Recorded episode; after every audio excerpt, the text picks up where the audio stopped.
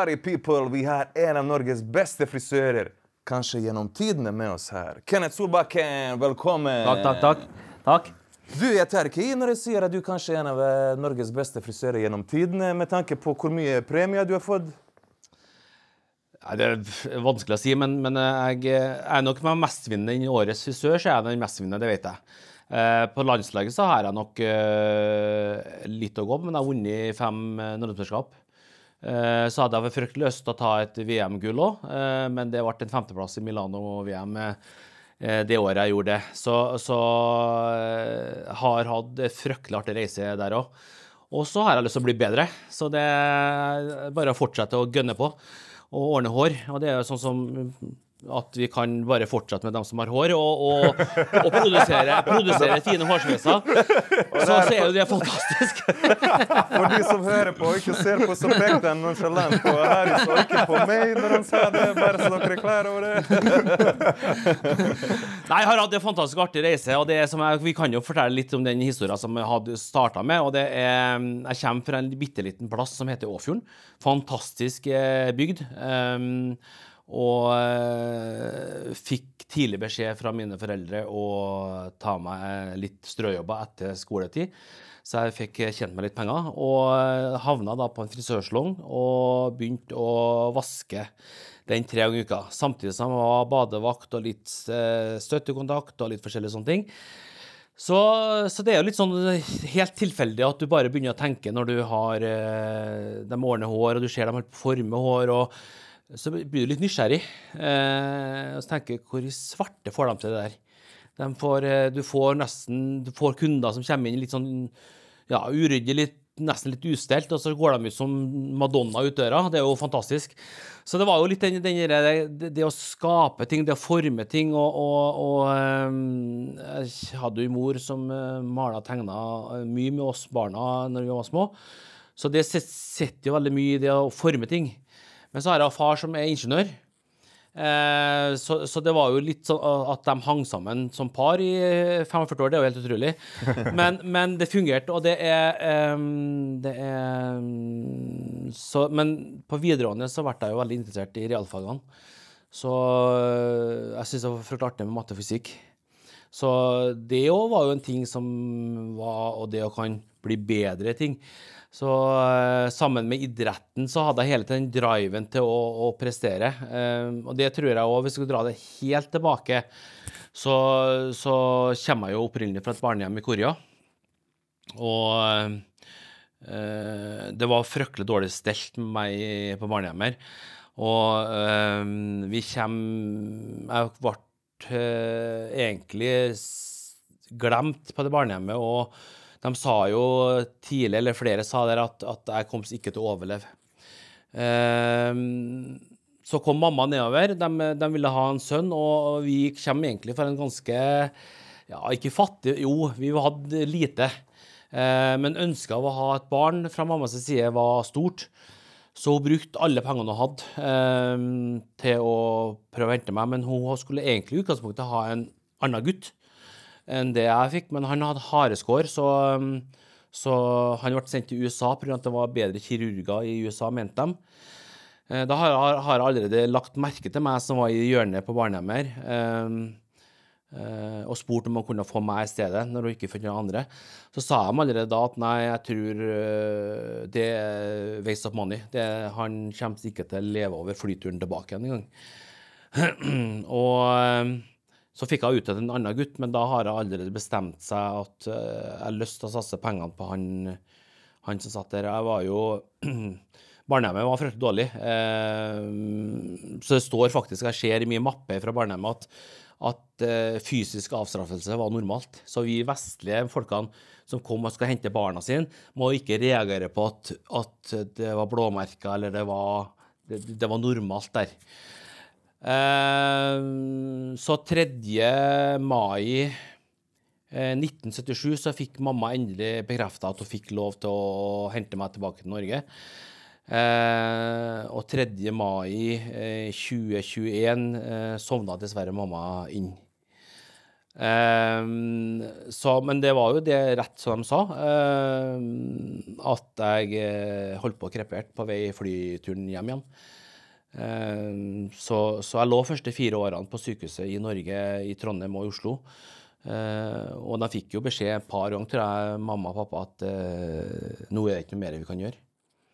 Så, så jeg, ikke, jeg fikk jo ikke til å krype, f.eks., eller jeg gikk jo på et betonggulv. og og eh, jeg gikk jo ikke på lenge, egentlig. Så, så, så det, var, det, var, egentlig en tøff start. Uh, uh, men jeg hadde heldigvis møtt noen personer i mitt liv som, som gjorde Som har så mye kjærlighet at det er helt fantastisk. Og det er min mamma og pappa.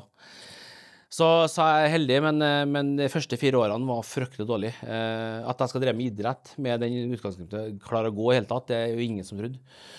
Så, eh, så når jeg starta med den, eh, det å jobbe på, etter på, på ungdomsskolen og på videregående, så har jeg, både jeg og min storesøster tror jeg, alltid følt på at vi, vi er takknemlige for den muligheten vi fikk. Eh, og jeg har nok Det er helt dumt å si det, på en måte her, men jeg føler sånn at jeg, jeg, jeg skylder mamma og pappa å bevise at de ikke kasta bort pengene sine. At, at jeg gjør mitt beste det er alfa og mega. Uh, og uh, i alt jeg har på en måte prøvd å gjort, så har jeg prøvd å gjort det 100 uh, eh, Om det har vært skole, idrett, eller om det har vært det jeg skal ha bestemt meg for, så, så, så det skylder jeg mamma og pappa. Uh, og når jeg da òg bestemte meg for å være frisør, så, så, hadde jeg jo mine Pappa hadde sine tvil om at jeg eh, vært rett. Eh, så det tok lang tid før at han eh, skjønte at det her er noe jeg virkelig vil. Men så var det litt da med den historien som jeg har, at for 10-12 år siden så sto jeg i New York Fashion Week med Diago Miranda, som er en av de store gurene som, som jeg ser opp til. Eh, som har the A-list i verden. Og vi står mellom to show og, og, og snakker, og så spør han bare at Eh, hvor du kommer fra, du? Eh, nei, jeg kommer fra Norge. Ja, hvor du opprinnelig kommer fra? Nei, jeg kommer fra et uh, barnehjem i Korea. Og, og, sier, og så fortalte jeg litt enkelt om den historien her, og så sier han at det her er jo det her er jo fantastisk. Du, du, du, du skulle egentlig ikke vært her i utgangspunktet.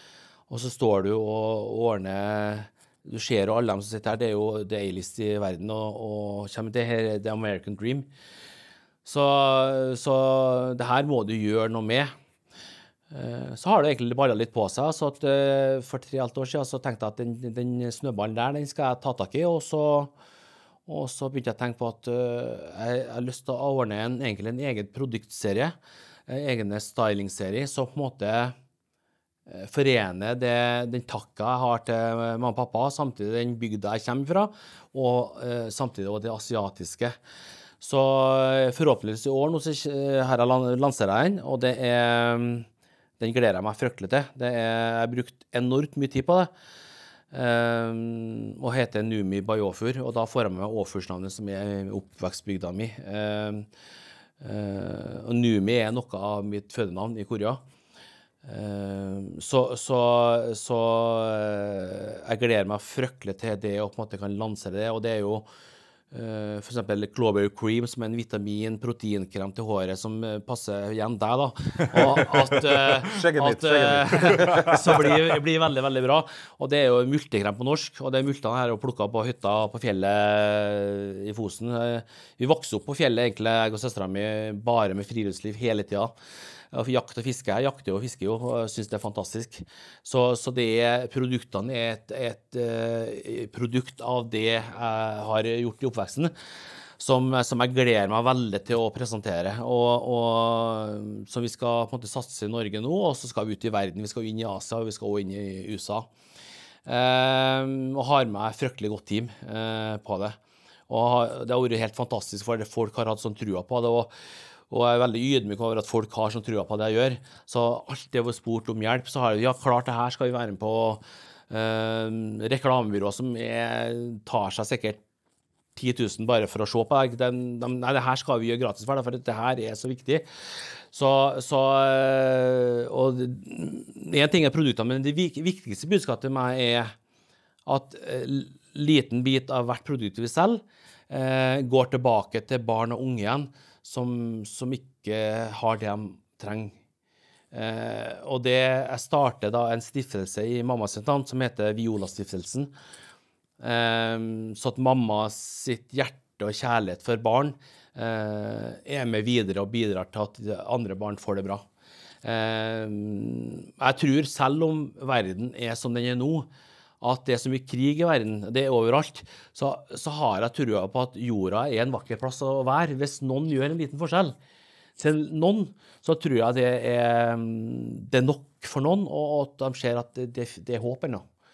Og, og, jeg håper med den serien at jeg kan gjøre den biten der, eh, og, og, mest for å få mamma sitt navn videre. Så, så det har vært en fantastisk reise siden, eh, at jeg kan begynne med den biten der.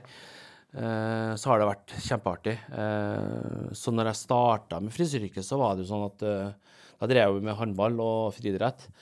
Og mm, var veldig målbevisst på at du trener én til to ganger om dagen og gjør det, og legger opp kostholdet til det. Og, og det linkes når jeg starta med frisøryrket tilbake at, at, da hadde jeg lyst til å komme inn på det norske landslaget først. Eh, som var, men jeg sto ute i havgapet her alene, og, og, jeg tror det første NM-et mitt da jeg trena bare seks måneder, og da var det vel 73 deltakere her. Og jeg tror jeg kom på 72.-plass, faktisk. Eh, da var du sikkert ganske ung, eller? Da var jeg fryktelig ung. Eh, og, og, ung og naiv. Og tror at, eh, alle tror at du kan flytte fjell som ung. Eh, og, og eh, Nei, jeg skal bli norgesmester i år. Eh, og det gikk jo ikke. Så, så, da hadde jeg jo et valg. da, Enten så skjerper du deg, og så um, Enten legger du fra saksa, eller så trener du enda mer. Så da la jeg opp en plan at jeg trener så og så mange timer hver dag. Um, fikk litt hjelp av landslagstrenerne i Norge. Og, og jeg husker mamma ringte meg på julaften og spurte om jeg i hvert fall kunne komme hjem og spise middag sammen med meg, for da sto jeg og trena. Uh, og, og um, året etterpå så fikk jeg tredjeplass i NM for junior. Og da, da skjønner du litt at det, at det, er, det er trening som skal til. Trening hjelper alt. Og da, da blir du bare enda mer gira. Så, så, da var det de fem eh, Blir norgesmester fem ganger. Da skjønner du at da er det mer innen rekkevidde. At det er mulighet. Eh, selv ute i havgapet, og at du kan gjøre det. Så, så da la jeg på enda mer trening. Eh, hadde nesten ikke kontakt med kompiser eller eh, festing eller noe sånt. Eh, så fikk jeg til slutt de fem gullene etter hvert. Og da var det noe igjen da som heter Årets frisør, eh, som liker som Årets kokk og Årets idrettsutøver i Norge. Så hørtes det fryktelig spennende ut, og da tenkte jeg at her er noe som jeg har lyst til å prøve på. Og, og så har jeg lyst til å sette en så hårete rekord at uh, det er ingen i etterkant som kan ta den. Uh, så tenkte jeg at 15 priser, det er ingen i nærheten av. Og den, den har jeg lyst til å prøve meg på. Og så har jeg jobba knallhardt egentlig, og hatt det fryktelig artig med mye artige folk og mye kreative folk. Så i fjor nå så fikk jeg nummer 16, og da ga jeg meg med Årets husør. Eh, så nå er det nye mål. Eh, hele tida nye mål. Så det er produktserien Numi, og så er det Gjør det enda bedre internasjonalt. Um, kos meg, men samtidig jobbe knallhardt. Og, og, for jeg tror det viktigste i livet er at du må ha det artig underveis òg. For blir det for mye alvor at du på en måte, For det sa mamma at altså, nå har du vunnet det, men ko, kose deg, nyte noe. Nei, jeg tenker hele tida neste. Ja, men du må, du må, stoppe opp noen ganger, og så må du tenke over at du må være fornøyd med deg sjøl. Så, så, det ga meg en sånn liten sånn eh, tankevekker at, at uh, du, må, du, må, du, må, stoppe opp innimellom og tenke over at, at det var en fin opplevelse. Eh, at, at, du ikke skal hele tatt storme videre eh, og jage hele tida, for det, da blir du bare jagende resten av livet. Men det å på en måte ta seg tid til å kanskje si at det, det, det her det må jeg sette av fem minutter til å tenke over at det var, det var fin opplevelse. Så, så, jeg gjorde det når jeg vant den prisen nå, den 16. Så 16. prisen i Årets frisør, så satte jeg meg på um, platten hjemme på Rosenborg og, og, og skjenkte et glass eh, brus og bare satt og der og så tenkte jeg at eh, det her var en fin opplevelse. Da satt jeg et kvarter, og så var det rett videre igjen. Men, men, men, men det, det, jeg tror det er viktig uansett, da, det å på en måte ha det artig underveis. Og så det å kan ta uh, Hvis du har muligheten da, i livet, uh, og, og, muligheten og tid, så, så gi, si ja til mest mulig du kan ha det artig med å gi deg. For at livet er så, det går så fort. Nå er jo dere fortsatt unge, men, men tenk på det. Det, det, det, er, det er, viktig. Eh, og, så det har gitt meg litt mer eh, sånn at du reflekterer mer om hvor eldre du blir. Eh, du hører om litt ting som kanskje at du kjente som måte, er dessverre uheldig med, med, sykdommer og forskjellige ting, at du, du, du ikke hele tida jager hele tida, men òg nyter det litt. Så det prøver jeg å bli flinkere til. Så, så, eh, reisen eh, føler jeg halvveis, og målene mine er langt framme. Men eh, jeg håper at jeg kan sitte igjen med at det her var fantastisk artig. Jeg har forhåpentligvis hjulpet mange barn og unge. Så skal jeg på en måte sitte og ta et dypt glass whisky. En flaske som jeg sa til deg tidligere, jeg har gjemt på. Og, og, og, tenke tilbake på at det her var fryktelig artig og, og lærerikt. Jeg har møtt fantastisk mye folk, trivelige folk. Um, så, så det, det, tror jeg det hele det dreier seg om, egentlig. Og, kan på en måte fylle det med noe fornuftig, men samtidig kose seg på veien. da. Så Nei, fantastisk artig. Eh, og håper jeg gleder meg til fortsettelsen. Jeg syns det er flott at du eh, ville på en måte hedre foreldrene dine, særlig mor di, med å gi 100 eh, på det du holdt på. Ja. Uansett hva det var, men at du ga 100% fordi du ville gjøre dem stolt. Det, ja. Og vi er veldig glad i foreldrene våre òg, så det, ja. kjenner, kjenner meg igjen der. Ja, jeg, jeg, tror det at, at, eh, at hvis du Altså, jeg sier at jeg, jeg vokste opp på pur kjærlighet og god mat. Altså, det, det, det var, eh, Oppveksten min besto mye av det. Eh, og, å ha den tryggheten, og du, du, du, merker at foreldrene dine er fryktelig glad i deg. Og, og når du får egne barn sjøl, så skjønner du hvor mye arbeid man har lagt i det. Du, du får sånn fornya respekt for foreldrene dine når du får barn sjøl. at ja, var vi så slitsomme, vi, da, sånn som mine barn er nå? Så, så, så, så, du får jo på en måte litt den der. Og, og eh, jeg tenker med, med, så små ressurser som de har, så, følte jeg aldri at jeg, jeg, jeg savna aldri noe. Så jeg fikk ganske mye ut av lite. Selv om vi spiste eh, blodpølse og kokt sild eller sekt sild veldig mange ganger så, så, så, ga de oss den tryggheten og kjærligheten likevel.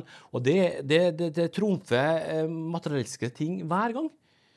Eh, for at er du oppvokst bare på materialistiske ting uten andre, så, så, så er du fattig.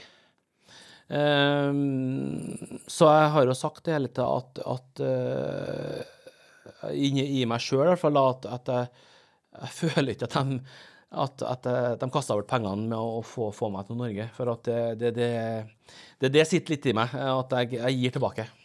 Men litt av en kontrast også. Du beskriver liksom å gå fra det å på en måte ikke bli sett engang på et barnehjem, og bli totalt uh, ignorert nesten i et hjørne, og gå fra det til, sånn, uh, til rett og slett uh, ubegrensa kjærlighet. Ikke sant? Det, det, er jo noe som på en måte, fordi Du starta ut i livet med å ha et lite støkk inni det ikke sant? Som, hvor du ikke hadde det. Ja. Så det er en kontrast på en måte som du har vært, eh, vært igjennom òg. Ja, det er jo, og det, jeg tror den kontrasten du snakker om, den har jeg jo hatt resten av livet. at jeg, jeg er jo kanskje den som, er i, som reiser rundt i fashion-businessen rundt om i verden, som drar rett fra New York Fashion Week og rett på rypejakt. Uh, og, og liker veldig den balansen i livet, det å på en måte ha, ha en fot i hver sin verden. Da. Det at jeg, jeg, vet når jeg står i Paris eller London eller hva jeg gjør for noe, og er veldig veldig sliten, så vet jeg at jeg kan, om noen dager så kan jeg sitte på fjellet og tenne bål og kose meg og, og fiske og jakte. Så, så, så jeg er fryktelig glad at jeg har den kontrasten i livet og liker de forskjellige tingene. Uh, for da har jeg Alle må ha en plass der de henter energi og kan altså, charge opp igjen. Uh, og det, det, er jeg fryktelig glad for at mine foreldre tok oss med så mye på tur som de gjorde.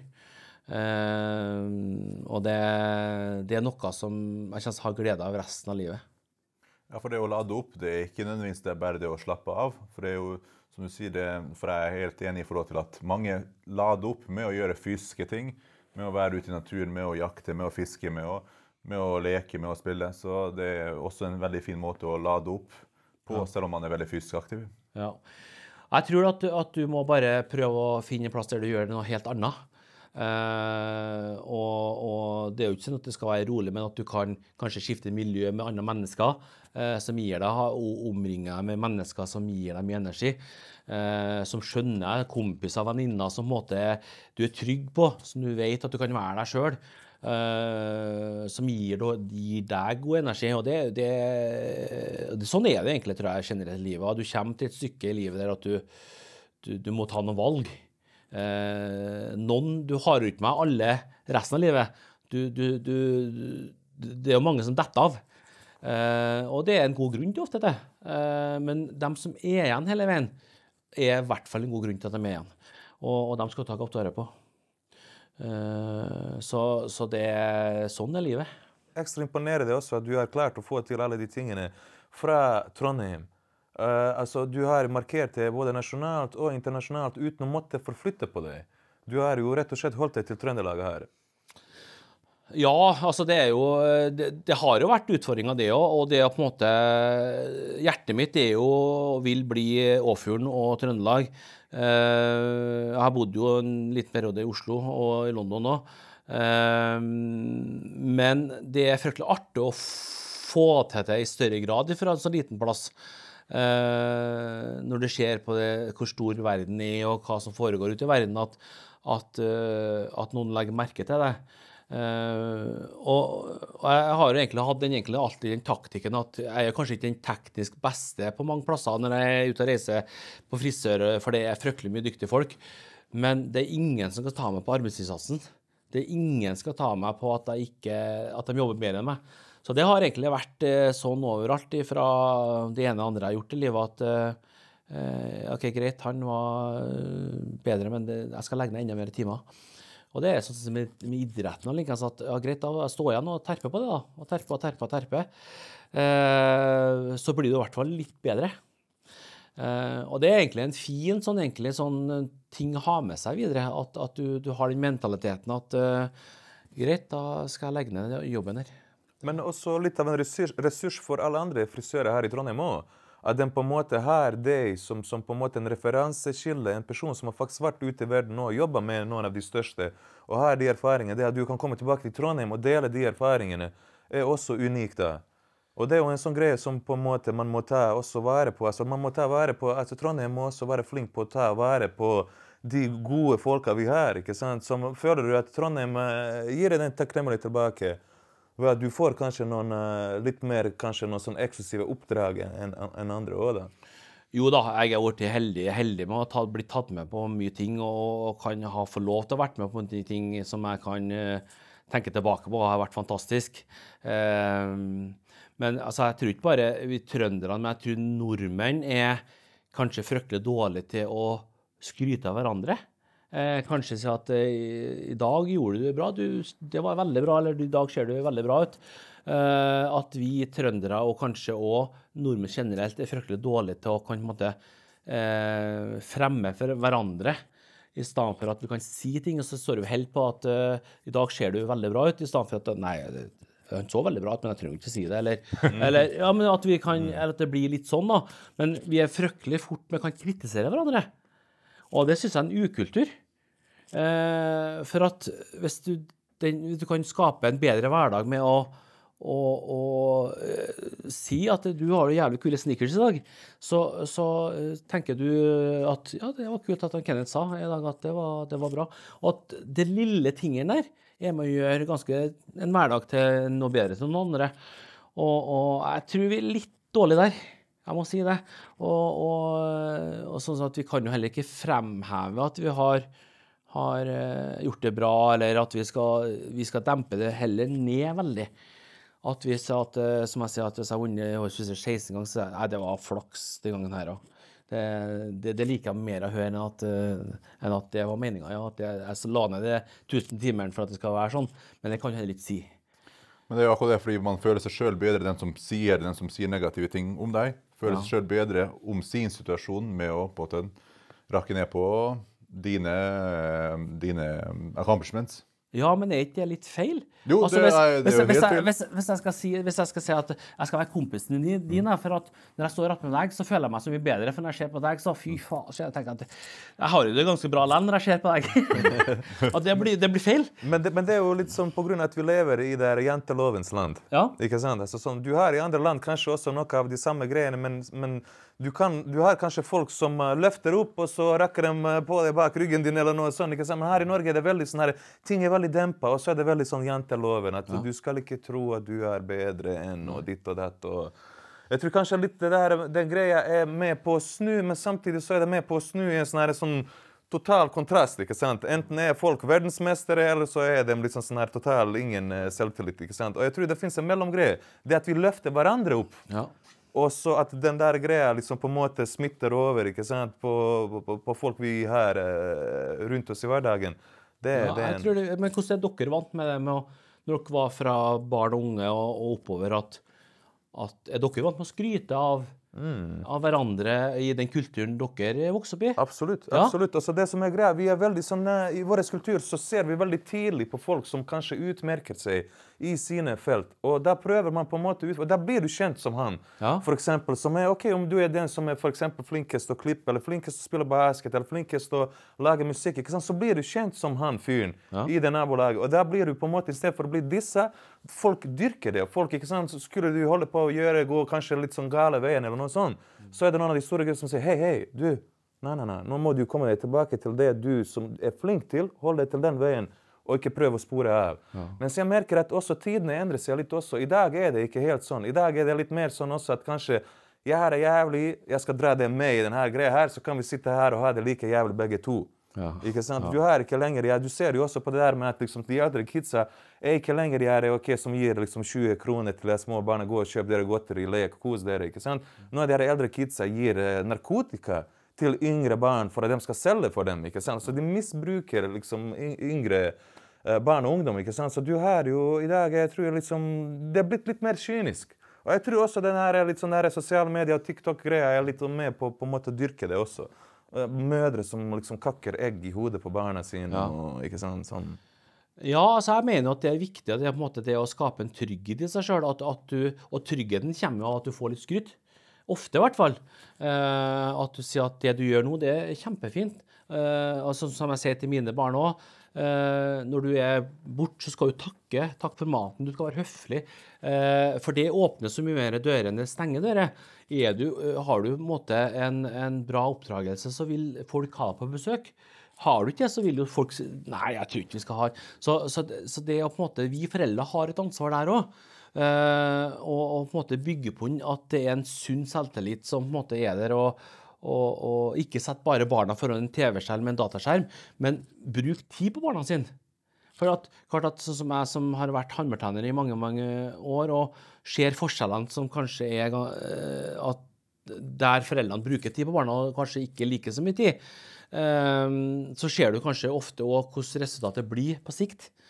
Eh, for at foreldre som kanskje òg er ressurssterke foreldre som, som har det travelt, men og heller ikke investerer tid i sine barn, eh, får òg kanskje resultatet av det senere.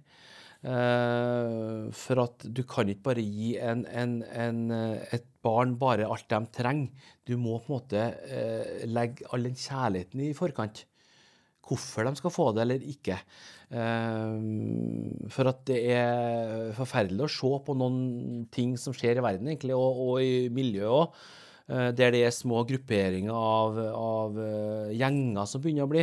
Eh, der politiet ser nesten en håpløshet. At det er barn i, tolvårsalderen som, eh, som står med kniver foran deg. Eh, og der jeg mener at, at foreldre har kjempestor anvendelse sammen med skoler og institusjoner og, og, og politi, så klart. da. Uh, heller ta prøv i hvert fall å få en, en dialog med dem som kanskje er litt ledere, eller, eller ser som at, at, andre barn ser opp til dem fordi de tør å være tøffe i trynet. Heller at politiet kanskje og, og gått og sagt til dem at, at uh, Kan ikke du bli med på skoler rundt omkring? og så og så forteller du hvordan du opplever det, og, og få, heller ta dem ut av gjengene. og At de er med rundt omkring i landet og snakker, og kanskje får en mer At barn ser opp dem på den måten. At, at man får frem ressurser ja. i menneskene. Ja. ikke sant? Og det, det, det, du sier der, tror jeg faktisk er fundamentet veldig mye. ikke sant? Fordi du klarte på en måte å få ut ditt optimale ressurs liksom, ved å på en måte ha det pågangsdrivet som du hadde der. Ja. Og jeg tror Hvis vi klarer på en måte å få det ut av de menneskene vi har rundt oss, og særlig det er ungdom, der, med på en måte at de klarer å innse hvilke ressurser de kan bidra med i samfunnet, ja. og få fram det, så tror jeg vi er på langt god vei. Ja, jeg tror at det å ta kanskje som og Vi er jo ikke like, altså det er ikke alle som er like heldige med å få den eh, kofferten full av kjærlighet og tillit og alt det vi har for våre foreldre. Men jeg tror at hvis voksne som tar tak i dem som hvis det ser at de nå sklir litt ut eller litt der, og så, og så, får de et system der at de kan være med og føle en mestring. Og andre barn ser at du, ja, han går rundt og, og, forteller andre grupper Han var en gjengleder, for å si det sånn, men nå han, går han og snakker på skoler og har egne foredrag, og folk ser opp på ham på den måten. Og han, det mennesket som på en måte er, har vært en gjengleder, for at vet du, det, det her er jo en helt annen, mye mer positivt. Jeg føler at jeg får selvtillit av det her. Jeg tror kanskje at hvis vi bruker mer ressurser på sånne ting, så kan vi hjelpe litt. Mm. Veldig bra. Uh, jeg, jeg, har ikke fasiten, men jeg, jeg, mener at hvis noen blir sett litt, så hjelper det litt. Absolutt. Jeg tror ja. vi, får, uh, får, mye flere gode mennesker. Men uh, når vi er på det med gode mennesker og sånn, altså, Du har jo jobba med mange forskjellige norske stjerner. Du har jobba med internasjonale stjerner som Beckham, Paris Hilton, Kim Kardashian, mange svære navn. Eh, sånn, hvem vil du si har vært eh, mest krevende å jobbe med? Er det de internasjonale svære stjernene, eller er det de norske stjernene? Og hvem av de eventuelt internasjonale som har vært Jeg kan jo gå ut med navn. vi, vi prøvde på noe eksklusivt her. Det med tittelen vår. Det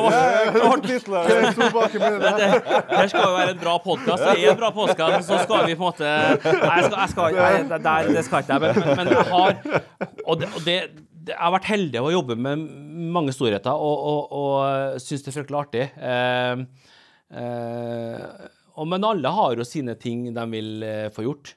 Eh, og en av første jeg møtte, husker jeg, det var um, Jennifer Lopez. Jeg møtte henne en heis eh, på Pier 99 i Green Village-området i New York. og Eh, først så sto jeg utenfor den døra her, og så så jeg alle stjernene gikk inn, og fotografene sto og blingsa, og så sier han ene at du vet du, du skal ordne håret ditt, så du må komme inn. Å, skal jeg inn der, ja? Ja, ja du må bli med inn der, ja. Så, så tenkte jeg farsken, jeg skal gå inn samme døra som dem. Så, så, vi kom inn i gangen der og trappa opp der, og så er det en heis, og skal vi alle slusa inn i heisen som skal opp i tredje etasjen. Og da plutselig står jeg et sånn ti centimeter sånn med Jennifer Lopez der. og så tenkte jeg å, faen, hun var fin. Hva er den beste replikken som kommer? og hvor skal jeg se henne nå? Og så blir jeg, jeg blir så tørr i kjeften når jeg blir nervøs. Og så, altså, tenker jeg vet du, det her er once of a life. Jeg må jo si noe. Uh, så eneste jeg får si I'm from Norway.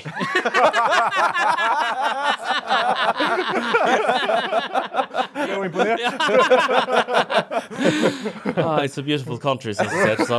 Uh, altså, jeg var jo helt uh, borte vekk. Og, og, heldigvis så fikk jeg flere snakka litt med han når vi kom opp ut av heisen, og har vært i Norge to ganger, som sagt, eller flere òg.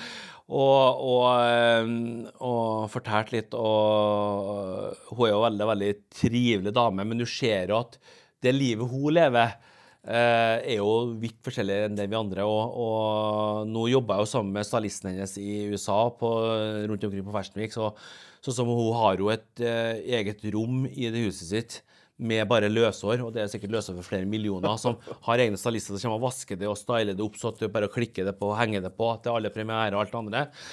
Så vi merker at det er et helt annet liv. Men eh, første gang jeg møtte Jennifer Lopez, så, så kom David Beckham gående forbi.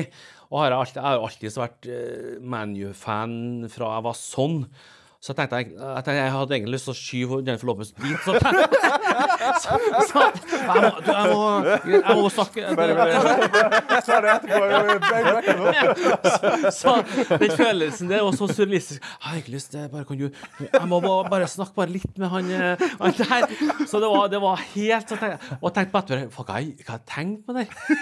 At, at, at jeg tenkte i hele tatt står en av vakreste menneskene i, i verden, og så har jeg lyst til å gå og snakke med en mann i sånn. Var på vei til å legge inn eh, legge en aksje på deg, og du bare jo bort. Og Det var derfor hun gikk tilbake til Ben Affleck. og da, da, skjønner du at du er eh, sportsidiot. Sant? Du, du får bare skjønner at hva det idretten har betydd så mye i livet. Ja. Bare, Idretten er ødelagt.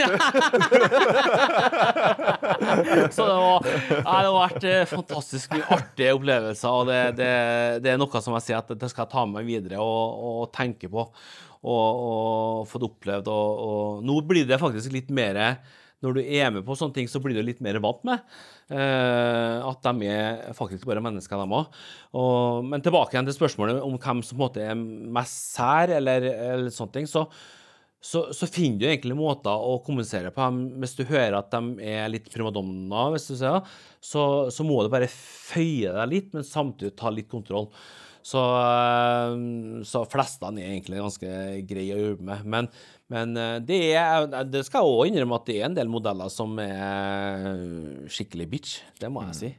For at de, eh, vi har jo, sånn som på hver visning, på ene visninga nå i Sist i New York nå så hadde vi 100 modeller på ene visninga, og da skal det gå fort. Ehm, og så er det jo sånn da i det sirkuset her at vi er ca. 20 hårsalister på hvert show. Ehm, men så er det som den store sjefsstylistene, hvis du ikke presterer der, så kan jeg, da klapper jeg meg på skuldra bare, underveis du holder på style. Og da er det sånn at da skal du legge fra deg alt av utstyr, og så går du bare, da skal du bare gå ut. Da er du ferdig. Og så er du ikke ferdig med visninga, bare av visninga, men du er ferdig i fashion business generelt. Du får ikke komme igjen. Så, så i starten de første årene jeg var der, og sånn, så når de, de gikk forbi, så var jeg, jeg var så nervøs for at får jeg klappet på skuldra her? Eller så at du på en måte du må prestere. Og hvis Jeg har opplevd at det er flere som skriker og går ut, men, og, men da får jo vi som andre som står og jobber, flere modeller, må ta over modeller deres igjen. Så det er jo klart at vi får jo si at vi har per show kanskje tre-fire modeller vi skal gjøre eh, hver. Og så sitter vi plutselig med sju modeller, og så har vi kanskje ti minutter per modell. Og så er krypene etter tre-fire minutter, og så skal de se ut som en million. Eh, og så skal du på en måte holde, holde eh, tunga rett i munnen. og nå må du stole på at det du gjør, er bra nok. Er, du, du er her for en grunn. Så jeg føler nesten som jeg står på standplass på skiskyting, og så må du få med alle blinkene hver gang, og, og prestere på hver gang du skal gjøre det. Eh, så, så det er Men det er det, egentlig den nyeste modellen som kommer inn, som på en måte har fått det løftet, og alle skryter å, du skal til Fashion Week, og du skal ordne Så mister seg litt sjøl, egentlig, og tar seg litt sjøl for høytidelig. Og så få litt sånn primadonna at ikke, Au, det var vondt når du tok bort håret mitt. Au, det var litt sånn. Og så egentlig så kan jeg bare si shut it, vi skal gjøre en best mulig show. Det, at at du har vondt, det kan ikke jeg bry meg om. For at det Chanel-showet der koster 20 millioner. Jeg skal ikke være den som ødelegger det. Så du må bare gjøre at jeg skal gjøre ordne håret ditt. Så, så det er Det er brutal greie, men det, det, det, er, det er systemet kaos likevel, på en måte. Men det er jo å ha Når du står der, så føler du at du har ti Chef Ramsay som står og kauker at du ikke er bra nok på alle. For det er så høyt eh, lydnivå. Og, og det er jo som hvis du som spiller basket, at hvis du har ti trenere at Faen, hva du holder på med nå? Det, altså, det er jo ikke bra nok. Så, så du må bare innerst inne skjønne på at det du gjør likevel, det, det er bra nok. Så det, du skal være ganske tykkhuda for å, å, å stå der og skjønne at eh, Ja, for du får ikke så mye skryt, egentlig. Men at du, blir, du skjønner når du blir invitert tilbake igjen, at eh, ja, det var ikke så verst, det jeg gjorde. Men nå har jeg gjort det i 13-14 år, kanskje. Så er, nå får jeg, jeg en posisjon der jeg heldigvis kan velge hvilken fashion show i verden jeg vil være med på. Uh, og så har jeg to, to siste årene fått lov til å eh, være med med sjefsstylistene og jobbe med designerne. Eh, samle, samle teamene og fortelle hvordan de skal gjøre på håret til være modellen, og gå, eh, gå og kontrollere. Så nå er jeg faktisk jeg som kan kappe på skuldra. Eh, og det er jo helt surrealistisk, for ene er jo stylisten til Jennifer Lopez, ene til Justin Bieber og dama, og Kim Kardashian. Sånn. Så jeg skal en fra Fosen, som heter Havgapet her, som skal på rypejakt om to dager. Skal, skal stå og klappe noen på skuldra. Så eh, så jeg må bare få den der tøffheten til å For jeg, jo, jeg syns det er jo fryktelig synd på dem. For jeg har jo stått i den posisjonen sjøl og vet hvor vondt det der er. Eh, så det, det der er litt sånn Jeg har egentlig syns det er artigere å stå og ordne med hår sjøl, og det gjør det mye nå òg. Men, men det å, å kaste ut noen som er så dyktig, egentlig, det, det, det, det, gjør meg litt vondt. Men hva er det som skal til for å, for å gi det klappet der? Er det, er det sånne store blundere, eller hva? altså? Nei, altså det, det, det trenger ikke å være sånne store blundere, men, men du skal ha eh, Se da at måtte Jeg refererer mye til idrett, men hvis den grunnteknikken som alle trenger, sånn som du trenger, og, og de som driver med idrett, for å håndtere det du skal gjøre, så, så skal den være så ekstremt god. For nå, nå er vi ikke bare nasjonalt, men vi internasjonalt. Det beste som står i hvert time, er verdens beste de gjør. Ehm, og da er det selvfølgelig at du kan grunnteknikken så godt at du kan dem i blinde. Så er det noen som innimellom som ikke gjør det. Uh, F.eks. på ekstrem fletteteknikker eller andre ting. Og så ser du at farsken, vi skal ha, et, eh, ha en visning nå med kjoler, og de skal ha fletter og sånne ting. Så ser jeg at to som ikke kan det godt nok, og så, så, så må de ut. Eh, men, men som jeg sier, jeg har jo datter. og Jeg håper aldri hun kommer som modell i fashionbusinessen, for det er en brutal verden. Og, og eh, en verden som bare egentlig tenker på egentlig et resultat av, av det som skjer på scenen, og, og, og ikke tenker på det skjebnen av unge jenter som går på en scene. Har det vært sånn siden starten, eller føler du det er blitt verre med årene? eller? Jeg, synes, jeg tror heller at det har vært konstant. Eh, jeg tror at en konstant for at, at designerne har et press på at de må levere en kolleksjon så og så mange ganger i året. Uh, de er sin egen verden, og de legger presset på over på dem som har lineup, og dem som, har, eh, som er stylister som skal være med og hjelpe hele det crewet der til å gjøre en fantastisk visning. For det er sist penger det dreier seg om. Eh, penger og makt. eh, og og eh, vi som alt jobber rundt det, vi er bare en kuriositet. Vi, vi, altså, vi, egentlig, vi skal bare gjøre jobben vår til deres merker blir best mulig fremstilt. Så, så, eh, så det er mye kynisme. Og, og eh, det er jentene som kommer, stakkars jentene som er 17-18 år, som kommer inn i businessen her. Og, og, og for, for meg er jeg så tynn at du, du, du de, de, Hvis de detter på bakken, så detter de ikke sånn, de detter Sånn. Og, altså, altså, altså det, det jo, ja.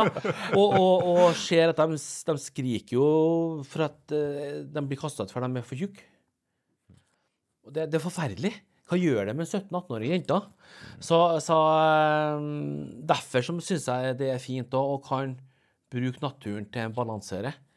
At, at det å finne roen, det syns jeg er fint. Det er litt, eh, på litt mer tullete. Du snakket i stad om kjekke mannfolk som Dave Beckham. Eh, hvis du skulle ja, sånne fotballspillere i dag Min personlige favoritt gjennom tiden har vært Francesco Totti, som er så skikkelig sånn stylish-aktig. Hvem, eh, hvem ville du ha valgt? Og hvorfor det?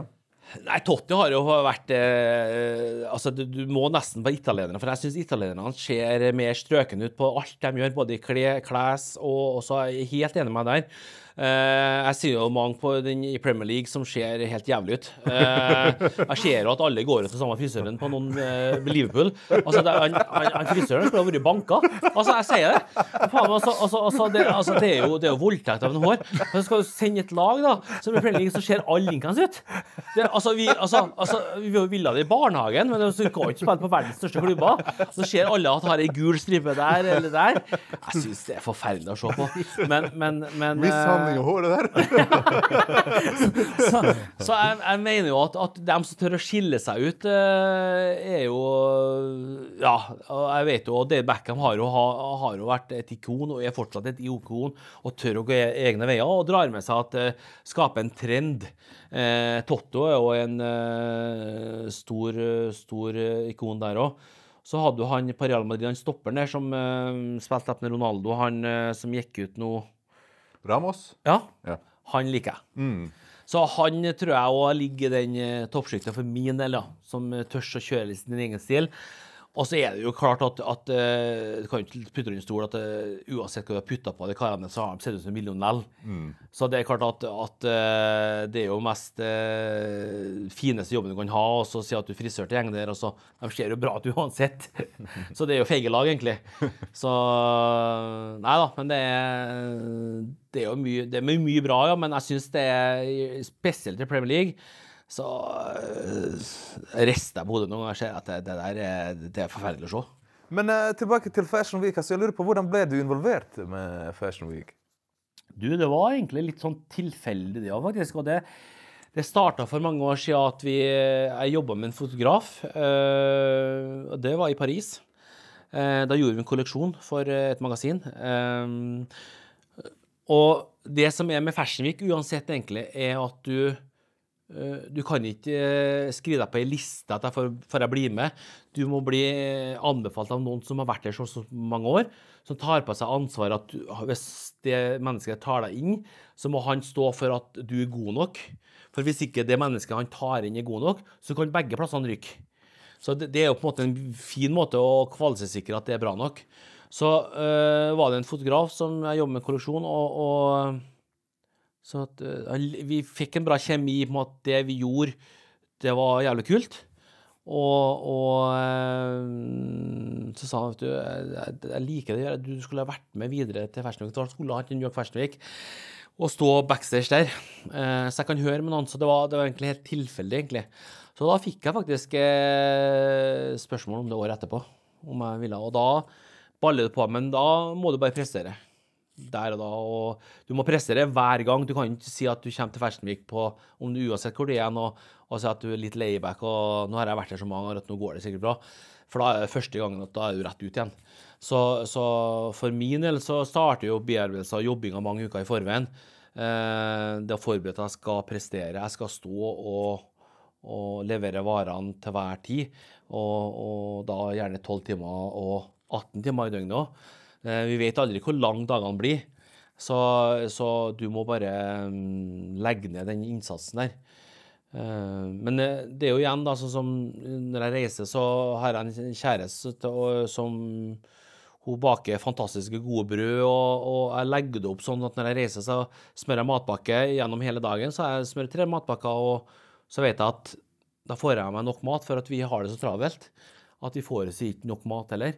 Så, så da legger jeg til rette sånn egentlig som jeg er på idrettsarrangement. Jeg blander drikken min så jeg har nok drikke i løpet av dagen i bagen. Jeg har nok matpakker, så jeg vet at det er ikke det som kan stå på at jeg ikke presterer. Ehm, så, så hele tida tenke detaljer for at du skal prestere, i hvert fall. da. Og så er det jo litt sånn at, at eh, om det er 12-18 timer du jobber per døgn, så er det jo eh, Det første som slår meg, i hvert fall, er å komme på, komme på hotellet og spise, eh, dusje og sove. Så er det jo noen som eh, er fryktelig sosiale og vil ut og eh, feste litt og sånne ting, men eh, de blir ofte døgnflua i Fersnevik. De, eh, ja, for de har sovet kanskje en til to, to timer, og så er de like glad og kommer tilbake igjen og holder på sånn en uke. Så skjønner jeg at de spiser jo noe annet enn knekkebrød til frokost, de. Eh, så, eh, så, så, og da er de ofte bare i businessen der i noen år, og så er de rett ut. For de klarer ikke å håndtere det lenger. Men for de som ikke helt vet, hva er Fashion Week? Kan du forklare litt enkelt? Fashion Week er, er egentlig noe som starta helt langt tilbake, eh, tidlig sikkert på 1920-tallet. Og eh, der eh, både kjente merkevarer, da tenker vi klær, eh, eh, og eh, ukjente hadde muligheten til å samles på ei uke i de største byene og vise seg fram. Eh, og det er jo noe som på en måte har blitt større og større og større. Eh, men det er på en måte den største plattformen til å vise fram de nyhetene som kommer til vår, sommer, vinter og høst. Til, til både magasiner, TV uh, og andre til å se. Og nå er det jo sosiale medier mye større enn magasiner igjen. Så, så der Tom Ford, eh, Gucci og alle dem kan vise seg fram sine merker. Og, og nye og up and coming kan òg ha muligheten til å, å bygge litt, men komme seg inn og, og få seg litt større navn. Men frisøryrket er jo sånn ganske sånn eh, kvinnedominert yrke.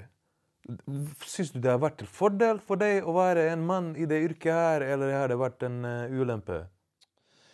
Nei, altså det er Skal jeg si? Jeg, jeg, jeg, trives med folk, jeg. Og det er, det, det er Jeg må jo innrømme, nå har jeg jo uh, salongen min som er nede i Nordgata, som heter Blow. Vi er jo ni ansatte, inkludert meg sjøl. Uh, der er jeg eneste mann. Uh, så jeg må jo si at jeg savner det innimellom, og kan ha uh, noen gutter å snakke med innimellom, og ikke bare bli snakk om Eh, det og det, som jeg, jeg kan ikke si om det nå, men det damer er flinke til å snakke om. eh, og, og, men jeg har gjort det sånn da, på salongen at alle mine frisører har et guttenavn. Så at uh, Silje heter Sigurd, og, og så, så da føler jeg at jeg jobber litt med gutta likevel. Så, så, de sier jo ja hver gang jeg sier uh, nå må du komme, Sigurd eller uh, Sander eller ja. Så, så, så jeg føler at men, men det er litt savn innimellom. Men det går veldig, veldig fint. Eh, og så er det jo litt sånn at, uh, at uh, Norge har jo kanskje litt for lite rekruttering på guttesida, dessverre. Og håper nå at vi kan gjøre noe med det framover. Ja, fordi det har blitt litt mer sånn uh, altså stuerent med at uh, det der med kanskje det der barbershop-delen av frisør... Uh, frisørplanten, kan ja. si, eller frisørtreet der liksom, har blitt mye mer utbredt de siste årene. Det. Ja, det ble jo heldigvis en trend, eller mote igjen, eh, tilbake sikkert på for fem år siden, som begynte å ta seg veldig. Eh, og da rekrutterte guttene og ser at du, det er faktisk ganske kult å være frisør eller barber. Og det er fantastisk. Og det er, det er jo ikke noe som er nytt, for det starta jo i USA for langt tilbake, i Storbritannia, Italia. Så har det jo vært fra tidenes morgen. Men så har det blitt kanskje litt mer sånn, iallfall i Skandinavia, at det er mer damer som tar og blir frisører. Eh, så, men jeg tror at den barberuken så føler jeg litt mer maskulint med en gang. Eh, og kan være litt mann selv om du jobber som frisør. For det tror jeg kanskje mange, mange um, Kanskje da, uansett uten å bedømme noe, men at hetero menn kan føle at, at uh, du kan være en virkelig mann selv om du måtte jobbe med noe feminint som kan være noe. Uh, altså Uansett, til syvende og sist er vi heldige som kan få folk til å føle seg bedre med seg sjøl. Det, det er jo det som er jobben. Så, så, så, jeg håper at det blir mer rekruttering av menn og gutter. At De skjønner at det her er faktisk ganske kult. Innledningsvis så nevnte du det der med at, uh, hvordan du var født i Korea, og at du var adoptert. Og I den siste perioden så har jeg sett på det her nye programmet til Christian Strand, som, uh, som, tok opp det der med adopsjon, hvor han uh, gikk og forska litt mer på sin egen bakgrunn. Og så kom det opp en del sånn spørsmål rundt det der med adopsjon som jeg syns var veldig interessant. For jeg har vokst opp med folk som, har vært adoptert, eller som er adoptert fra forskjellige land her i Norge. Og folk har forskjellige erfaringer, forskjellige også sånn, hva skal man si, sånn mål med hva skal de gjøre. Liksom. Om noen ender opp med å oppsøke den uh, opprinnelige familien sin, ikke sant? andre gjør ikke det. Men det som jeg var mest overrasket det var liksom, det finnes folk der ute som er veldig imot det med adopsjon. Som har vært adoptert selv, som bor her i Norge, som er imot det med adopsjon. Så jeg synes det også vekker noe som, som jeg har ikke hørt om før. Altså, så at det fins den siden der òg. Så jeg syns det er kjempespennende med at folk har forskjellige erfaringer. Hva er din erfaring, og hva er dine tanker rundt det der? Nei, altså Det at folk tenker forskjellig og er annerledes og har litt annet syn på det, det er jo det som fører til krig ofte. Eller kan føre til store diskusjoner. Og det er lov. Eh, jeg forteller jo bare min historie rundt at jeg har hadde, eh, som jeg sier, jeg har vunnet Lotto. For, for, at, for, at, hvis ikke noen tok tak i meg, så har jeg og hadde lyst på å ha barn, så, uh, så har jeg ikke vært, på, vært her. Så jeg ser jo bare den positive biten med det. og så, så Som sikkert Kristian Strand har kanskje mye spørsmålstegn rundt det. Og så er det veldig mange som har noe sort, føler at det er et sånt, litt sånn sort hull med det å bli adoptert bort ifra sin kultur. Eh, selv om de vokser opp i et annet land, så føler de veldig tiltrekning til landet de er født i. Og, og, føler veldig sånn en dragning til å flytte tilbake. Og jeg klipper jo flere som er adoptert til Norge, som har flytta til, tilbake til Korean, gifta seg med koreanske. Uh, som, jeg, som, jeg ser at det må jo være helt greit. Men for min del så har det blitt feil, for at jeg føler at mamma og pappa har brukt så mye energi og ressurser på å få meg til Norge, og jeg er så elska til å komme dit at, jeg, at, jeg, at eh, jeg har ikke følt at det har vært nødvendig å dra tilbake, for jeg har det så godt her. Eh, og så har jeg aldri, helt, aldri følt på at, at, det er et tomrom i livet, og når, altså mange, de spørsmålene som mange får. Hvorfor ble det sånn? Uh, for at jeg, jeg, vet at jeg har vært fryktelig heldig og jeg har ikke lyst til å rote noe mer i den biten der. Og det er kanskje litt for respekt og hensyn til mamma og pappa òg. Uh, eh, men så, så snakker jeg med foreldre som på en måte har barn som er adoptert, som, som bruker mye energi og tid, og kan ofte òg faktisk nesten bli deprimert av det. På at de føler at, at uh, Jeg hører ikke her. Jeg føler, jeg føler meg så annerledes selv om jeg er, er norsk. Uh, så, så, må jeg få svar på de spørsmålene som er. Uh, og, og, det er en ærlig sak. Uh, jeg, jeg, skjønner litt den biten der òg. Og så er jo de, samtlige av de foreldrene der så forståelsesfulle at ja, men da tar vi reise dit. Vi oppsøker litt og, og hjelpe dem. Og det, det, det har kanskje vært en fellesnevner til de foreldrene som har hatt barna som har vært sånn at de føler at de vil ha svar, så har de ofte å reist tilbake til kulturene for å, å, å, se at ja, det er faktisk ganske fint. Eh, I forhold til eh, de ulike utmerkelsene, de ulike premiene du har vunnet, hva er forskjellen på Årets frisør og eh, NM? Nei, Forskjellen er, er at uh, når du driver på med NM, EM og VM, og sånne ting, så, så må du prestere på en levende modell der og da. Der, er, eh, det er nest, altså at du, du, På ti så skal du ordne den og den frisyren. Uh, og så kommer dommerne og bedømmer resultatene etterpå. Uh, årets frisør bedømmer av et ferdig produkt en måte du har jobba med bildekolleksjoner og sånne ting. Eh, der en internasjonal jury kommer i etterkant og kikker på det. Som, som, jobb. Så det er på en måte eh, NM, så må du gjøre et ferdig resultat der og da. og så og, og årets ressurstak leverer du et bidrag som du har gjort ferdig, som eh, de blir bedømt av. Ja, så NM så er typisk konkurranse som ja. du gjør her og da. Ja. Mm. Så det. Men hva er din sånn signaturstil? Jeg har hørt at frisører ofte har sin egen signaturstil på måten de jobber på. Hva er din signaturstil, vil du si? Ja, si det, det, har jeg aldri blitt spurt om, faktisk. Eh, det håper jeg bare arbeidet kan fortelle sjøl. Men, men, jeg liker å, å, å prøve nye ting, eh, men samtidig legge en liten signatur på det og, og utfordre meg sjøl. Eh, så at du på en måte ikke gror fast på den ene, ene tingen eh, som på en måte eh, Jeg gjorde bare den ene klippen, eller den ene stallinga der. Men eh, jeg håper at alle kolleksjonene jeg har gjort, så er det et fra, fra A til B at jeg har tort å prøvd nye ting som er litt utenfor komfortsonen. Uh, så, så, at måtte prøve å være allsidig. Uh, men likevel da ha en touch av vri som kanskje uh, blir lagt merke til. Sånn, så, at, så, at, du legger detaljer. Jeg tror kanskje detaljer er litt signatur.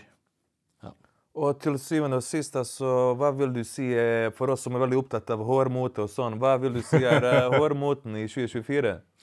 Nei, Nå er det veldig veldig tidlig eh, i 2024, så, så den, den, den, er litt tidlig å svare på. Men jeg tror nok at vi kommer til å få litt mer lengde på håret til guttene. Eh, som din bror som sitter på høyre seg her. Han, eh, han, blir innen sommeren kanskje moderne. Du skulle ha sett meg for to år siden. Jeg er supermoderne. Hår nede over skuldrene. Og, og, på damene så, så, tror jeg nå har vi hatt pannelugg igjen, så jeg tror at den kommer litt lenger. Men jeg tror litt, litt mer lengde på både damer og menn.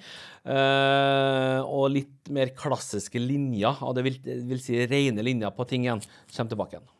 Super. altså Dere hadde litt noen spøker på, på, min regning i dag. altså. Men det mange folk der ute ikke vet, er at jeg hadde min egen frisør, så jeg vil benytte anledningen nå til å si ekstra shout out til min frisør gjennom tidene, Jamila. Big up til deg. Og jeg benytter meg fortsatt av vår fantastiske frisør, så tusen takk. Tusen takk, Jamila, og tusen hjertelig takk til deg, Kenneth. Det her var var en skikkelig fryd å snakke med deg i dag. Tusen takk til alle sammen som har fulgt med oss på i dag. Følg med oss videre. Abonner på oss eh, på YouTube, og følg med oss på Facebook også. Vi snakkes, folkens. Peace out! Welcome to Trondheim.